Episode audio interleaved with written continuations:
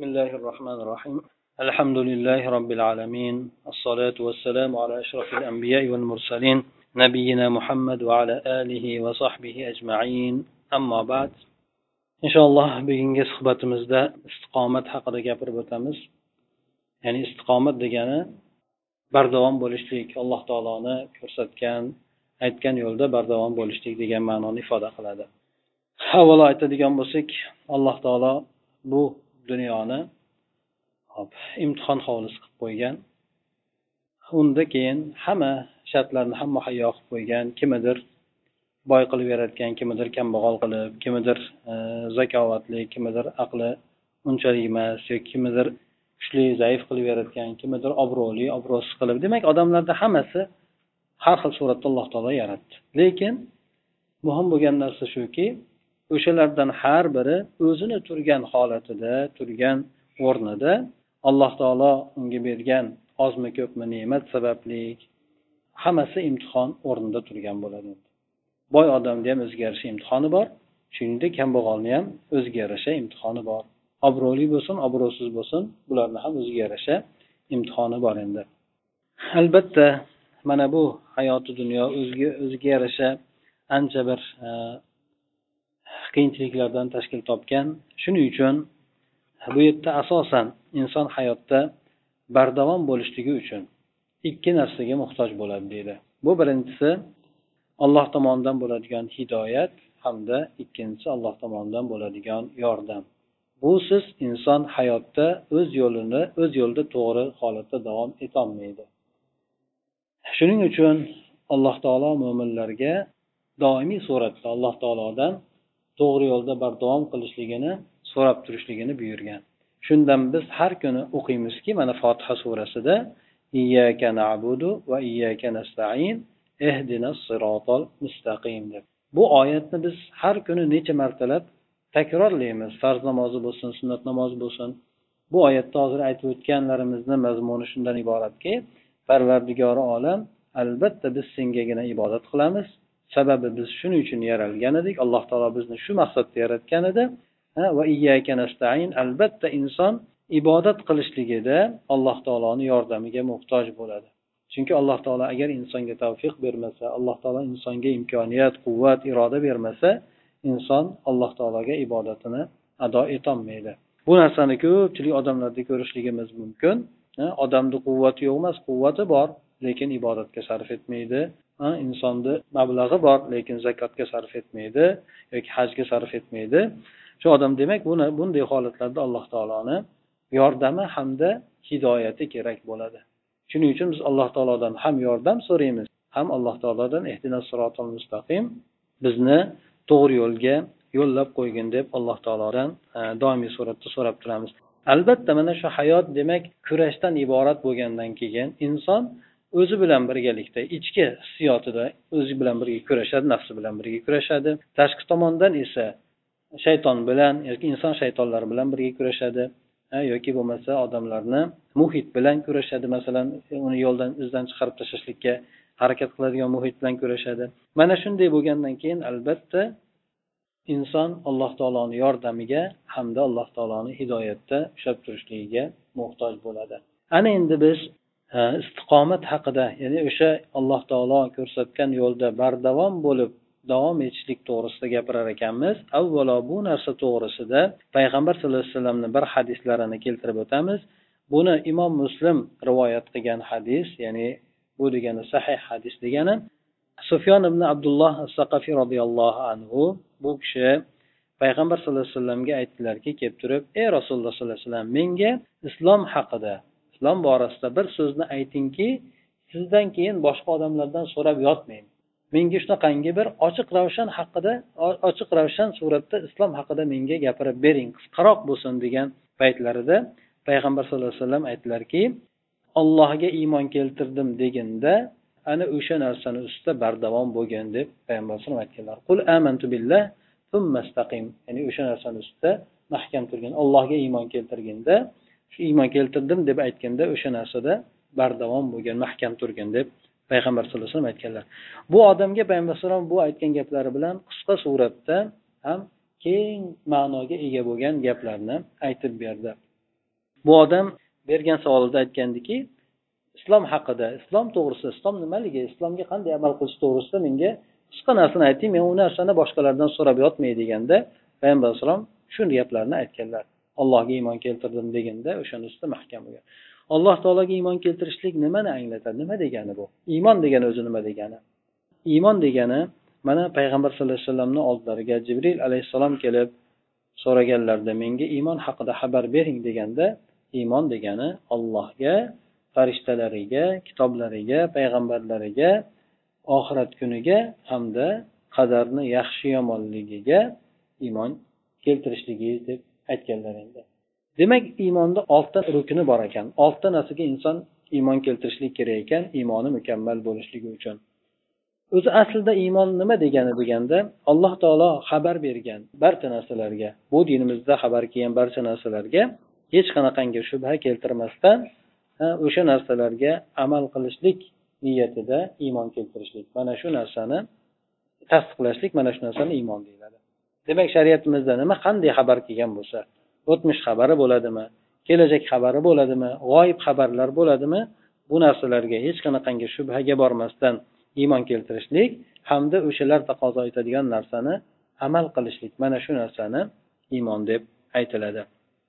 Mo'min odamni boshqa kofir bo'lgan odamdan farqi ko'rinib turgan bilinib turgan narsalarga ishonishligi bilan emas balki mo'min odamni ko'rinmaydigan narsalarga ishonishligi bilan demak farqi bo'ladi. Shuning uchun alloh taolo mo'minlarni aytgan paytida ularni g'oyibga iymon keltiradilar deb maqtagan aytgan endi. Ya'ni mo'minlar birinchi sifati g'oyibga iymon keltiradilar. G'oyib demak bizni ko'zimizga ko'rinmaydigan biz his etmaydigan narsalar g'oyib olamiga kiradi. Bu g'oyib olami juda keng bir olam bo'lib uni ichiga juda ko'p narsalar kirib ketadi. O'sha narsalarga biz ko'rmasakda u narsalarni his qilmasakda lekin albatta xabarlarga suyangan holatda u narsalarga iymon keltirishligimiz lozim bo'ladi. Demak bu narsa iymon edi endi. Iymon degan narsa mana payg'ambar alayhisalom hadislarda keltirib o'tadi. Hop allohga iymon keltirishlik deb turib bir elchilar kelgan paytda ularga e, din amaliyotlarni gapirib turgan paytida allohga iymon keltirasizlar deb turib bilasizlarmi? Allohga iymon keltirishlik nima degani nimani ifoda o'z ichiga oladi deb turib payg'ambar alayhisalom bu narsani orqali amallarni ichiga kirishligini bayon qilib aytganlar. Bundan tashqari payg'ambar alayhisalom aytganlarki iymonni oltmish nechtayam ba'zi rivoyatlarda yetmish nechtayam bo'limi bor tarmoqlari bor. Bularni eng yuqorisi la ilaha illalloh kalimasini aytishlik bo'lsa bularni eng quyi darajasi mo'minlarni yo'lidan ozor beradigan narsalarni olib tashlashlik. Shuningdek hayo ham iymonni bir bo'lagi deb payg'ambar alayhisalom aytganlar. Bu bilan payg'ambar alayhissalom uchta narsani keltirib o'tdilar. Shu oltmishdan ziyodroq bo'lgan bo'limlarga birinchisi la ilaha illalloh kalimasi bo'ladigan bo'lsa bu e'tiqod. Undan keyin oxirgi eng pastdagi quyidagi darajasi mo'minlarni yo'llaridan ozorni olib tashlashlik bo'ladigan bo'lsa bu amal. Uchinchisi hayo ham iymonni bo'laklaridan deb aytishligi bu axloq bo'ladi. Demak dinimiz uch narsadan tashkil topgan. Birinchisi e'tiqod ikkinchisi amal uchinchisi esa axloqdir. Mana shu narsalarni majmuasi iymon deb aytiladi. O'sha iymon ichiga kiradi bu narsalar hammasi. Buni ichiga namoz ham jihod ham zakot ham ro'za fa haj hammasi mana shu iymonni ichiga kirib ketadi endi. Payg'ambar alayhisalom xabar berganlariga ko'ra. Ana endi istiqomat haqida gapirib o'tadigan bo'lsak istiqomatni boshida ta'rif berib o'tib ketdik. Bu alloh taologa itoat qilishlikda allohga ibodat qilishlikda inson bardavom bo'lishligi. Bandadan talab qilingan narsa ya'ni bandaga lozim bo'lgan vojib bo'lgan narsa o'sha alloh taoloni itoatida bardavom turishligi. Agar bunga imkoniyat topolmagan o'rinda esa o'shanga yaqinroq amallarni o'shanga yaqinroq olib boradigan holatda bo'lishligi amallarni qilishligi. Bu borada esa payg'ambar sallallohu alayhi vasallam hadislarda kelib aytganlar keltirib aytganlar sizlar amallarni yaqinroq yaqinlashtirib qilinglar. Agar yaxshi imkoniyat topadigan bo'lsanglar o'sha narsani ustida bardavom bo'lgan holatda qilinglar. Agar imkoniyat topolmasanglar demak inson asli qilishligi bardavom bo'lib qilish kerak. Masalan namozmi? Bunda bardavom turish kerak inson. Zakotmi? O'sha narsani berishlikda inson bardavom turish kerak. Yoki bo'lmasa ro'zami? Ro'za ham har yili farz. O'sha imkoniyati bo'lgan yoki bo'lmasa shunga qodir bo'lgan odamlar albatta har yili tutishligi har yili o'sha narsani ustida bardavom bo'lgan holatda qilishligi kerak bo'ladi. Qaysi bir amal demak qilishlik kerak bo'ladigan bo'lsa albatta o'sha narsani ustida bardavom bo'lishligi mana shu narsani istiqomat deb aytiladi endi. Agar bunga imkoniyat topolmagan o'rinlarda esa unga yaqinlashtirib amal qiladi. Masalan aytaylik ro'zada imkoniyat topolmaydigan bo'lsa ya'ni safarda bo'lsa boshqa bo'ladigan bo'lsa uni keyinroq tutib qo'yadi. Kasal bo'lib imkoniyati yo'q bo'ladigan bo'lsa o'rniga e, kafforat to'laydi o'sha nima tutolmaydigan bo'lsa xuddi shuningdek boshqa amallarda ham imkoniyat topolmaydigan o'rinda undan pastroqda bo'lgan darajadagi amallarni qiladi endi. Payg'ambar sallallohu alayhi vasallam keyin aytdilarki bilinglar dedi sizlarni hech qaysinglarni qiladigan amalinglar do'zaxdan qutqarib qololmaydi. Deb aytdilar. Shunda sahobalar so'rashdiki sizni ham ey rasululloh sizni ham qutqarib qololmaydimi shuncha qilgan ibodatingiz deganda ha? Meni ham lekin alloh taolo o'zini rahmat fazli bilan qoplaydigan bo'lsa rahmat fazlini ko'rsatadigan bo'lsa o'shanda do'zaxdan najot topib jannatga kiramiz deb aytganlar. Bu nimani anglatadi? Alloh taolo insonga ne'mat bergan. Bu ne'mat agar inson qilib butun umrda qilib o'tadigan amallarga taqqoslanadigan bo'lsa bitta ne'matni o'zini shukronasiga inson ado etolmaydi deydi. Bitta ko'zimizni shukronasi yoki aqlimizni shukronasiga alloh taologa to'liq suratda ado etolmaymiz. Shu narsadan payg'ambar alayhissalom hadislarda keltirib aytadi. O'tgan ummatlardan birisi vafot etadida u umr bo'yi ibodat qilgan. Shunaqangi ibodatga berilib mahkam qilgan odam keyin aytadiki parvardigor olam meni amalim bilan jannatga kirgizgin. Deganda seni amalim bilan kirgizaymi rahmatim bilanmi? deganda yo'q meni amalim bilan kirgizgin bo'pti deb alloh taolo uni amalini o'sha bir ne'matni muqobilda qo'yganda u bir ne'matni o'ziga ham yetmagan deydi. Chunki alloh taolo bizni tug'ilganimizda bergan aql ne'mati yoki ko'z ne'mati bo'ladigan bo'lsa biz bilan hayotimizni oxirigacha ketadi. Ha o'sha katta ne'mat. Lekin bizni qiladigan ibodatimiz esa kunimizda bir yarim soat bir soatda tashkil qiladi xolos. Yoki nafas olishlik nafas chiqarishlik ne'mati bo'ladigan bo'lsa bu ham juda katta ne'mat. Nafas qisilgan odamlar bu narsani biladi. Yoki ko'zdan ko'zi ko'rmay qolgan odamlar bu narsani biladi. Shundan olimlar aytishadiki o'zi aslida alloh taolo bir ne'matni bergan bo'lsa unga shukrona qilishligi bandani. Bu ham olloh tomonidan beriladigan ne'mat deydi. Banda olloh bergan ne'matga shukrona qilinishligi o'zi yana shukronaga muhtoj bo'ladi deydi. Chunki insonga olloh ne'matni berib uni shukrona qiladigan qilib qo'yishligini o'zi yana allohni ne'mati bo'ladi. Bu ham allohga inson shukrona qilishligini taqozo etadi deydi. Mana shunday ekan demak inson albatta e, alloh taologa shuncha bergan ne'matlarni muqobilida e, toatida bo'lishlik kerak bo'lganda ham o'sha istiqomatda bo'lib lozim tutishligi kerak bo'ladi.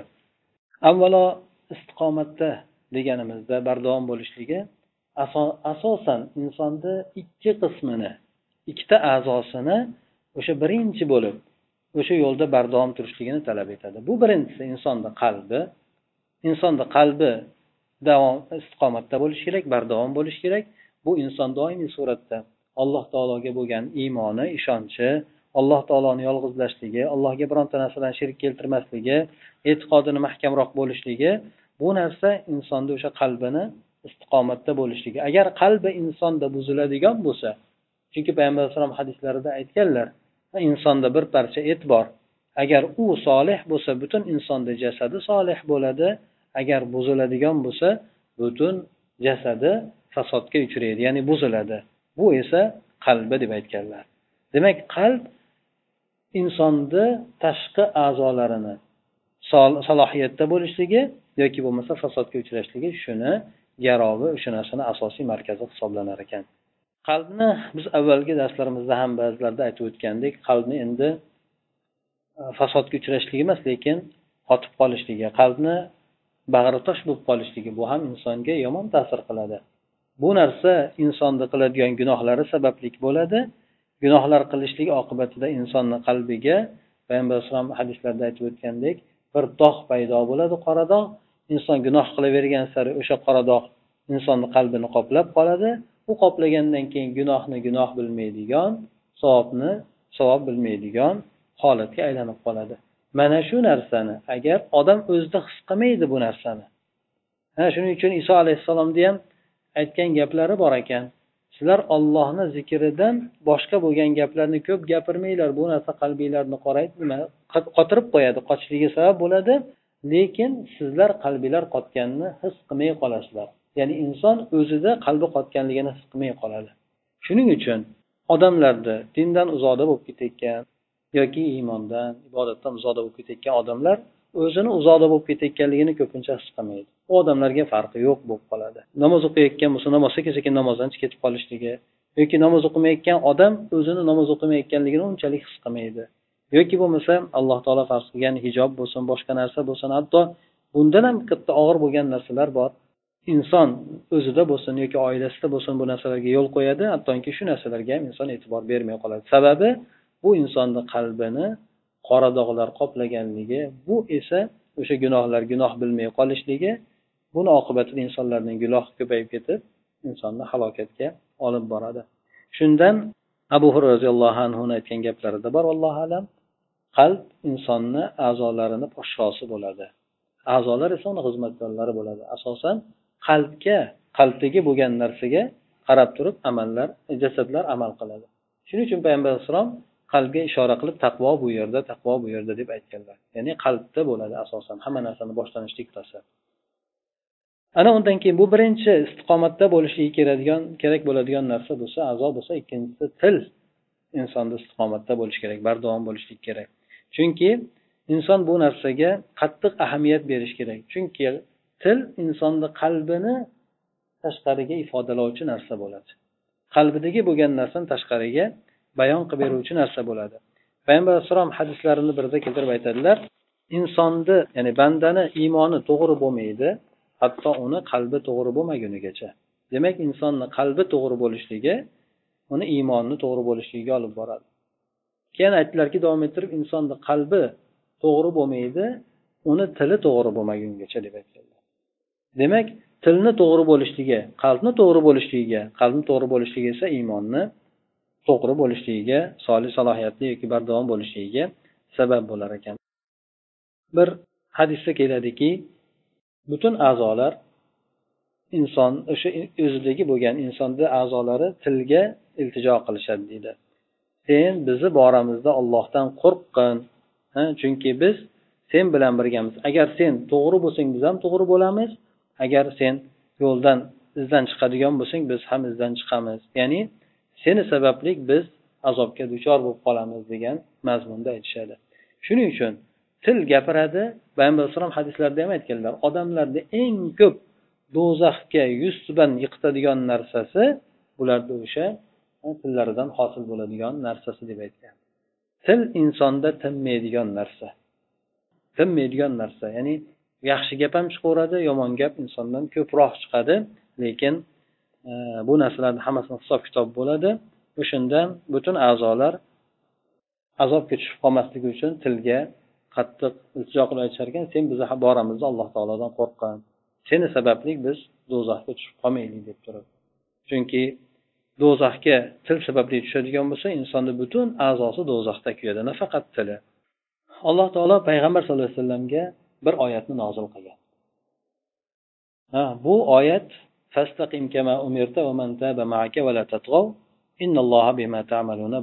deb aytadi. Ya'ni siz o'zingizga ergashgan kimsalar bilan birgalikda ya'ni sahobalar bilan birgalikda to'g'ri yo'lda o'sha bardavom bo'ling. Alloh taoloni ibodatda bardavom bo'ling hamda chegaradan chiqib ketib qolmanglar. Izdan chiqib chegaradan o'tib ketib qolmanglar. Alloh taolo sizlar qilayotgan ishlardan xabardor degan oyat nozil bo'lgan. Payg'ambar sallallohu alayhi vasallamga abu bakr roziyallohu anhu qarab turib aytganlar ey rasululloh sizni bir qarigan holatda ko'ryapman ya'ni e, sochingiz ba'zi sochlaringizga oq tushgan holatda ko'ryapman e, holati o'zgargan holatda ko'ryapman. Sababini so'raganda payg'ambar alayhissalom meni hud surasi hamda hud surasiga o'xshagan suralar o'sha sochimni oqarishligiga sabab bo'ldi degan. Ya'ni mana shu ayni mana shu oyatlarni keltirib bu oyatlar meni o'sha sochlarimni bir yigirmaga yaqin payg'ambar alayhisalomni sochlarida yigirmaga yaqin oqi bo'lgan ko'p bo'lmagan lekin nima bo'lganda ham sochlari oqarganligi bo'lgan. Shu narsalarda o'sha mana shu oyatlarni misol qilib keltirgan holatda e, meni sochlarimga oq tushishligiga sabab shular meni qaritdi degan mazmunda aytganlar. Bu alloh taoloni nafaqat payg'ambar alayhissalomni o'ziga bo'lgan buyrug'i balki siz o'zingiz ham siz bilan birga bo'lgan kimsalar ham o'sha allohga toat ibodatda bardavom bo'linglar. Alloh taolo sizlarni qilayotgan ishlaringlarni hammasini ko'rib turadi haddinglardan oshib tug'yonga ketmanglar deb alloh taolo aytadi. Payg'ambar sallallohu alayhi vasallam hadislarini birida keladiki bir kuni sahobalar bilan birga o'tirgan holatda ularga bir to'g'ri yo'lni alloh taolo ko'rsatgan payg'ambar alayhisalom olib kelgan to'g'ri yo'lni bir misol qilib keltiradi. Zarbul masal qilib keltiradi. Shunda payg'ambar alayhissalom bir xat chizadi bir chiziq chizadida aytadiki bu alloh taoloni to'g'ri bo'lgan yo'li deydi. Bu yo'lni ikki cheklarida devorlar bor deydi. Bu devorlarda ochilib turgan eshiklar bor. Lekin bu eshiklar o'zi eshiklari yo'q lekin ularga parda to'sib qo'yilgan bu eshiklarga. Eshiklarni og'zida esa bittadan o'sha jarchi chaqiradigan odam turadi. Aytadiki ey odamlar bu yo'lga hammanglar kelinglar ya'ni to'g'ri yo'lni ustida boshida turadiki bosh to'g'ri yo'lni boshida turadiki bir chaqiruvchi turadi. Ey odamlar to'g'ri yo'lga hammanglar kiringlar undan qayrilib ketib qolmanglar u eshiklarga bu eshiklarga kirib ketib qolmanglar deb aytadi. Shunda agar inson bironta bir eshikni o'sha eshikni ochmoqni xohlaydigan bo'lsa bir yo'lga kirib ketishlikni xohlaydigan bo'lsa aytadiki ha ey qurib ketgur u eshikni ochmagin. Agar ochsang kirib ketib qolasan u yerga. Bu yo'lga kirmagin deb turib aytib turadi deydi. Shundan keyin payg'ambar alayhisalom bu hadisni keltirib aytadiki bu to'g'ri yo'l bu o'sha chizilgan yo'l bu islomdir. Devor esa alloh taoloni qo'yib qo'ygan hadlari ya'ni chegaralari ya'ni u tomonga o'tishlik mumkin emas ya'ni harom qilib qo'ygan u narsadan qaytarib qo'ygan narsalari ya'ni alloh taoloni chegaralari deb aytdi. O'sha yo'lni boshida turgan chaqiruvchi esa alloh taoloni kitobi bo'ladi. Yo'lni tepa tomonda turgan chaqiruvchi esa har bir insonni qalbidagi bo'lgan chaqiruvchisi bo'ladi. Ya'ni insonni qalbida insonni undab turadigan narsasi bo'ladi. Qur'on u insonni to'g'ri yo'lda yurishligini aytib turadi. Undan keyin ikkinchisi insonni qalbiga bog'liq bo'ladi. Bu qalbi insonni aytib turadi u yo'lga kirmagin bu yo'lga kirmagin bu ishni qilgin deb insonni qalbi insonga aytib turadi. Lekin ba'zan inson qalbiga murojaat qalbiga xo'p deydi ba'zan esa qalbiga teskari suratda ish qiladi. Sekin sekin haligi aytib o'tganimizdek bu insonni qalbi o'zgarib o'zgarib oxiri o'sha to'g'ri yo'lni emas balki qing'ir yo'llarni to'g'ri biladigan bo'lib qoladi. Demak payg'ambar alayhisalom aytganlari o'sha alloh taoloni va'z nasihatini qilib turuvchi bo'lgani har bir insondagi bu e, har bitta musulmon odamni qalbida bo'ladigan ya'ni ko'nglida bo'ladigan qalbidagi bo'lgan narsa deb aytganlar. Istiqomat haqida gapirib o'tadigan bo'lsak aytib o'tdik. Bu inson ustiga zimmasiga yuklangan hamma amallarda bardavom bo'lishligi. Namoz bo'lsin zakot bo'lsin aytib o'tgan hamma islom amallari. Bu narsalarga islom kiradigan bo'lsa bir qilib bir qilib qilmasdan yurishligi bu istiqomatda ekanligini ifoda qilmaydi insonni istiqomatda bo'lishligi insonda o'sha narsalarda imkon qadar bardavom bo'lishligi. Endi buni qanaqa natijalari bor? Inson istiqomatda bo'lar ekan albatta alloh taolo insonga bir narsani buyurgan bo'lsa bir narsalarni qilishligi aytgan bo'lsa uni mukofotini ham aytib qo'yadi. Sababi bu amallar oson emas. Qiyin inson bardavom bo'lishligi oson emas qiyin bo'ladi. Shuning uchun o'sha beriladigan mukofotni inson qarab turib ancha muncha qiyinchilikni yengolaydi bu narsaga misol ham keltirib juda ko'p misollar dunyoviy bo'lgan narsada inson sovuqni sovuq demay issiqni issiq demay ba'zida ishlaydi. Har qanaqangi qiyinchilikka chidaydi sababi oylik ko'proq bo'ladi. Moncha beraman desa hamma narsani yig'ishtirib qo'yib inson ishlaydi. Hech narsaga qaramasdan ishlaydi. Demak o'sha beriladigan mukofot yoki tayin qilinadigan narsa insonni o'shanga undalishligiga o'sha ishni yaxshiroq qilishligiga yoki bo'lmasa qiyinchiliklarni yengilishligiga sabab bo'ladi. Alloh taolo ham qur'onda juda ko'p shunaqa mukofotlarni aytgan. Doimki o'sha insonlar yo'lda uchraydigan qiyinchiliklarga sabr qilsin. O'sha yo'ldagi uchraydigan qiyinchiliklarni yengib o'tsin deb turib. Ha bu narsaga masalan jihod bo'lsa u narsani beriladigan shahidlik. Jihod o'ziga yarasha qiyinchilik bo'lsa u narsaga beriladigan shahidlik juda katta insonga beriladigan ne'mat bo'ladiki hatto inson vafot etadigan paytda vafot etishligi bilan insonga oltita narsani alloh taolo beradi deb aytgan birinchi to'kiladigan qoni bilan gunohlari kechirilishligi o'zini ahllaridan yetmishta odamga shafoat qilishligi unga paloncha hur berilishligi xullas kalom darajotlarni ko'paytirib qo'yishligi o'shanaqa alloh taolo nimaga? Chunki u amal insondan ancha katta sabr sabotni talab qiladi. O'ziga yarasha qiyinchiliklar bo'ladi o'shalarni yengib o'tishlik uchun. Ho'p biz aytayotgan bu istiqomatni qanaqa natijasi bor? Bu istiqomatni natijasi hamma amallarga beriladigan natija. Lekin xosatan aynan istiqomatda bo'lishlik haqida alloh taolo keltirib aytadiki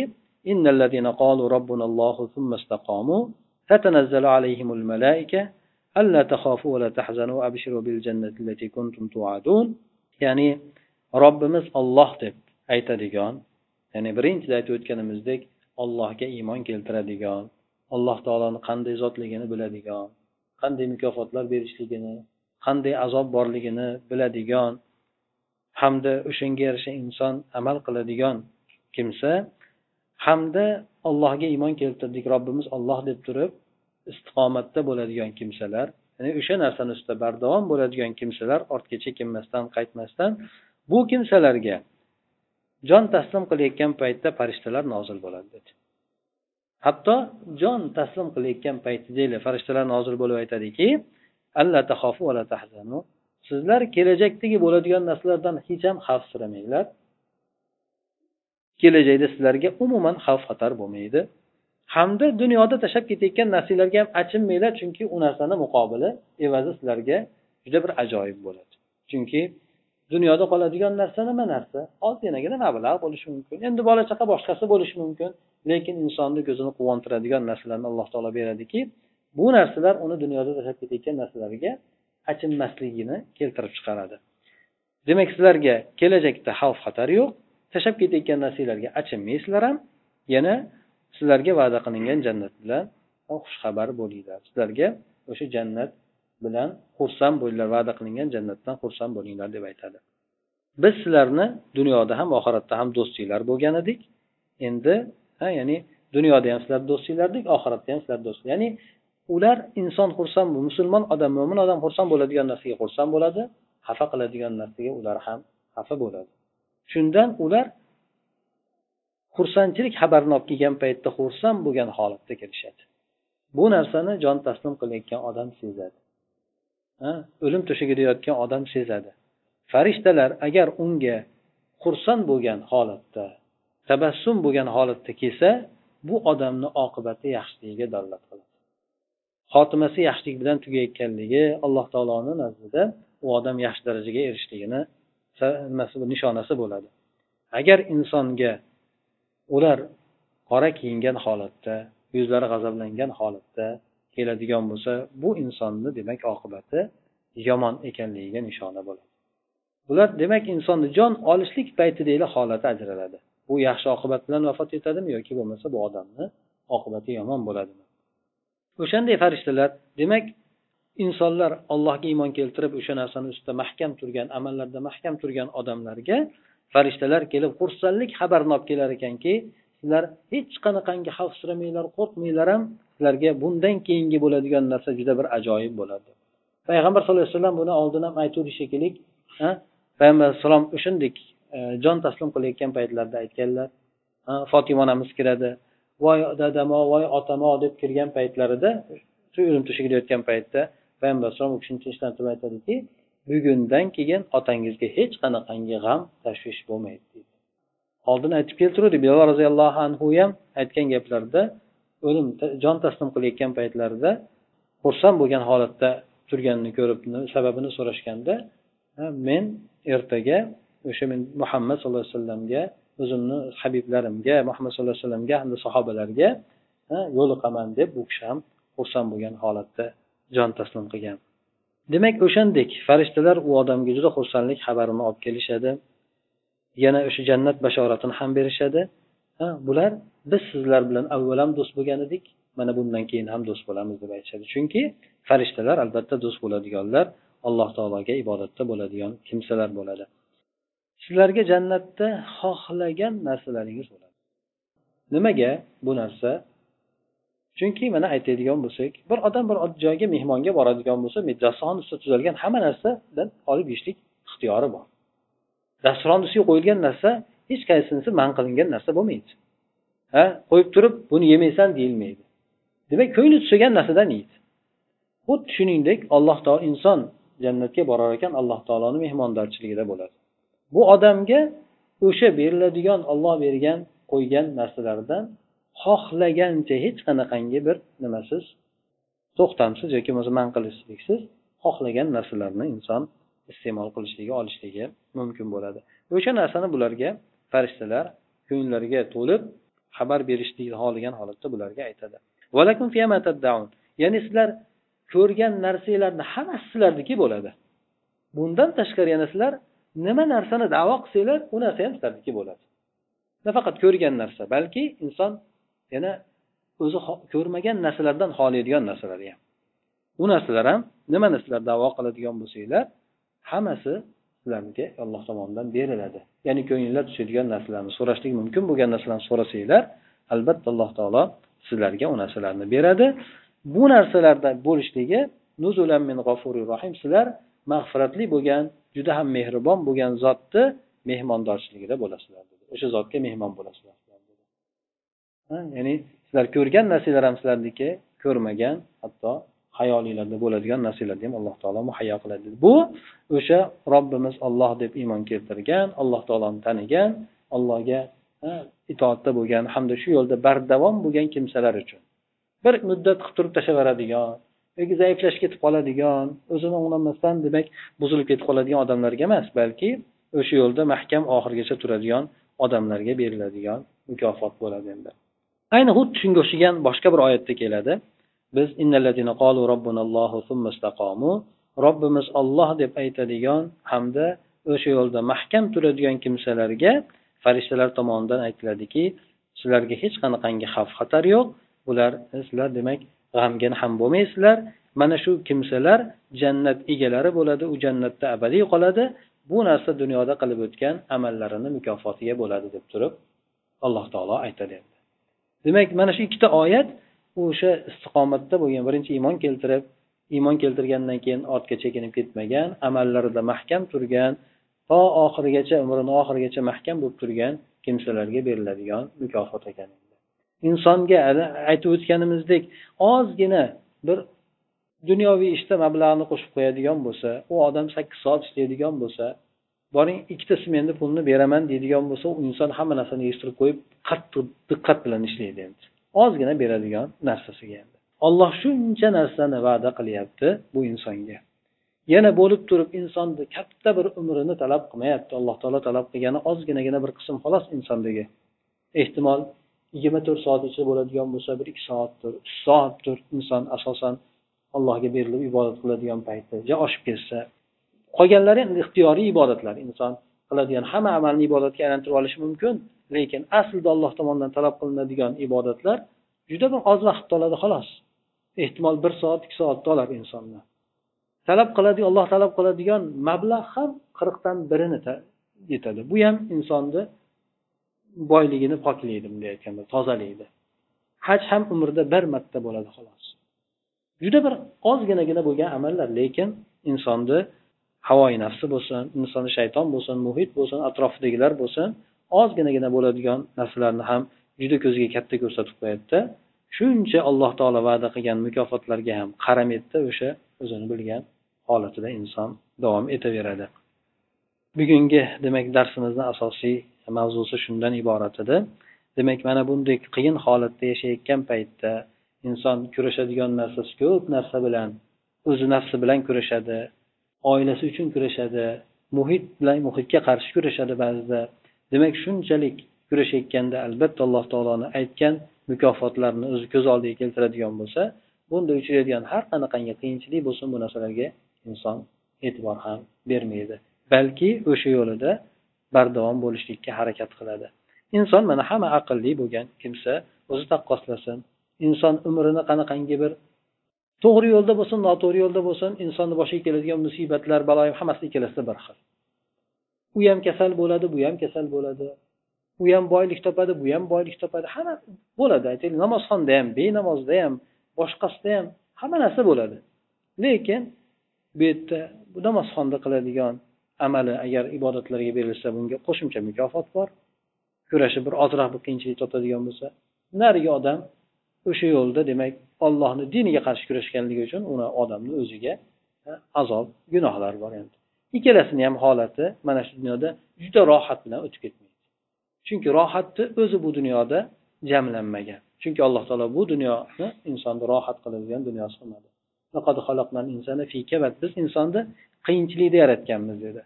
Qiyinchilikda yaratishligi inson ona qornidan boshlanadi dunyoga tug'ilishligi hayot o'sishligi umrini oxiri jon taslim qilishligi hammasi qiyinchilik bilan bo'ladi. Inson ozmi ko'pmi qiyinchilik tortadi. Endi rohat esa bu dunyodan keyingi hayotda bo'ladi. Shu dunyoda allohga ibodat qildimi bu odam rohatini oladi ibodat qilmadimi bu dunyodagi azobidan ko'ra qattiqroq bo'lgan azobni tortadi mana shu demak insonni bu hayotdagi holat endi. Ana endi ixtiyor qilsin ozginagina allohga iymon keltirdim deb shunda bardavom bo'ladimi yoki bo'lmasa hamma narsani tashlab ko'ngliga kelgan narsani qiladimi? Lekin bu dunyo matolari bir ozginagina foydalanishlik undan keyingi oqibat esa yo jannat yo do'zax bo'ladi سبحانك اللهم وبحمدك نشهد أن لا إله إلا أنت نستغفرك ونتوب إليك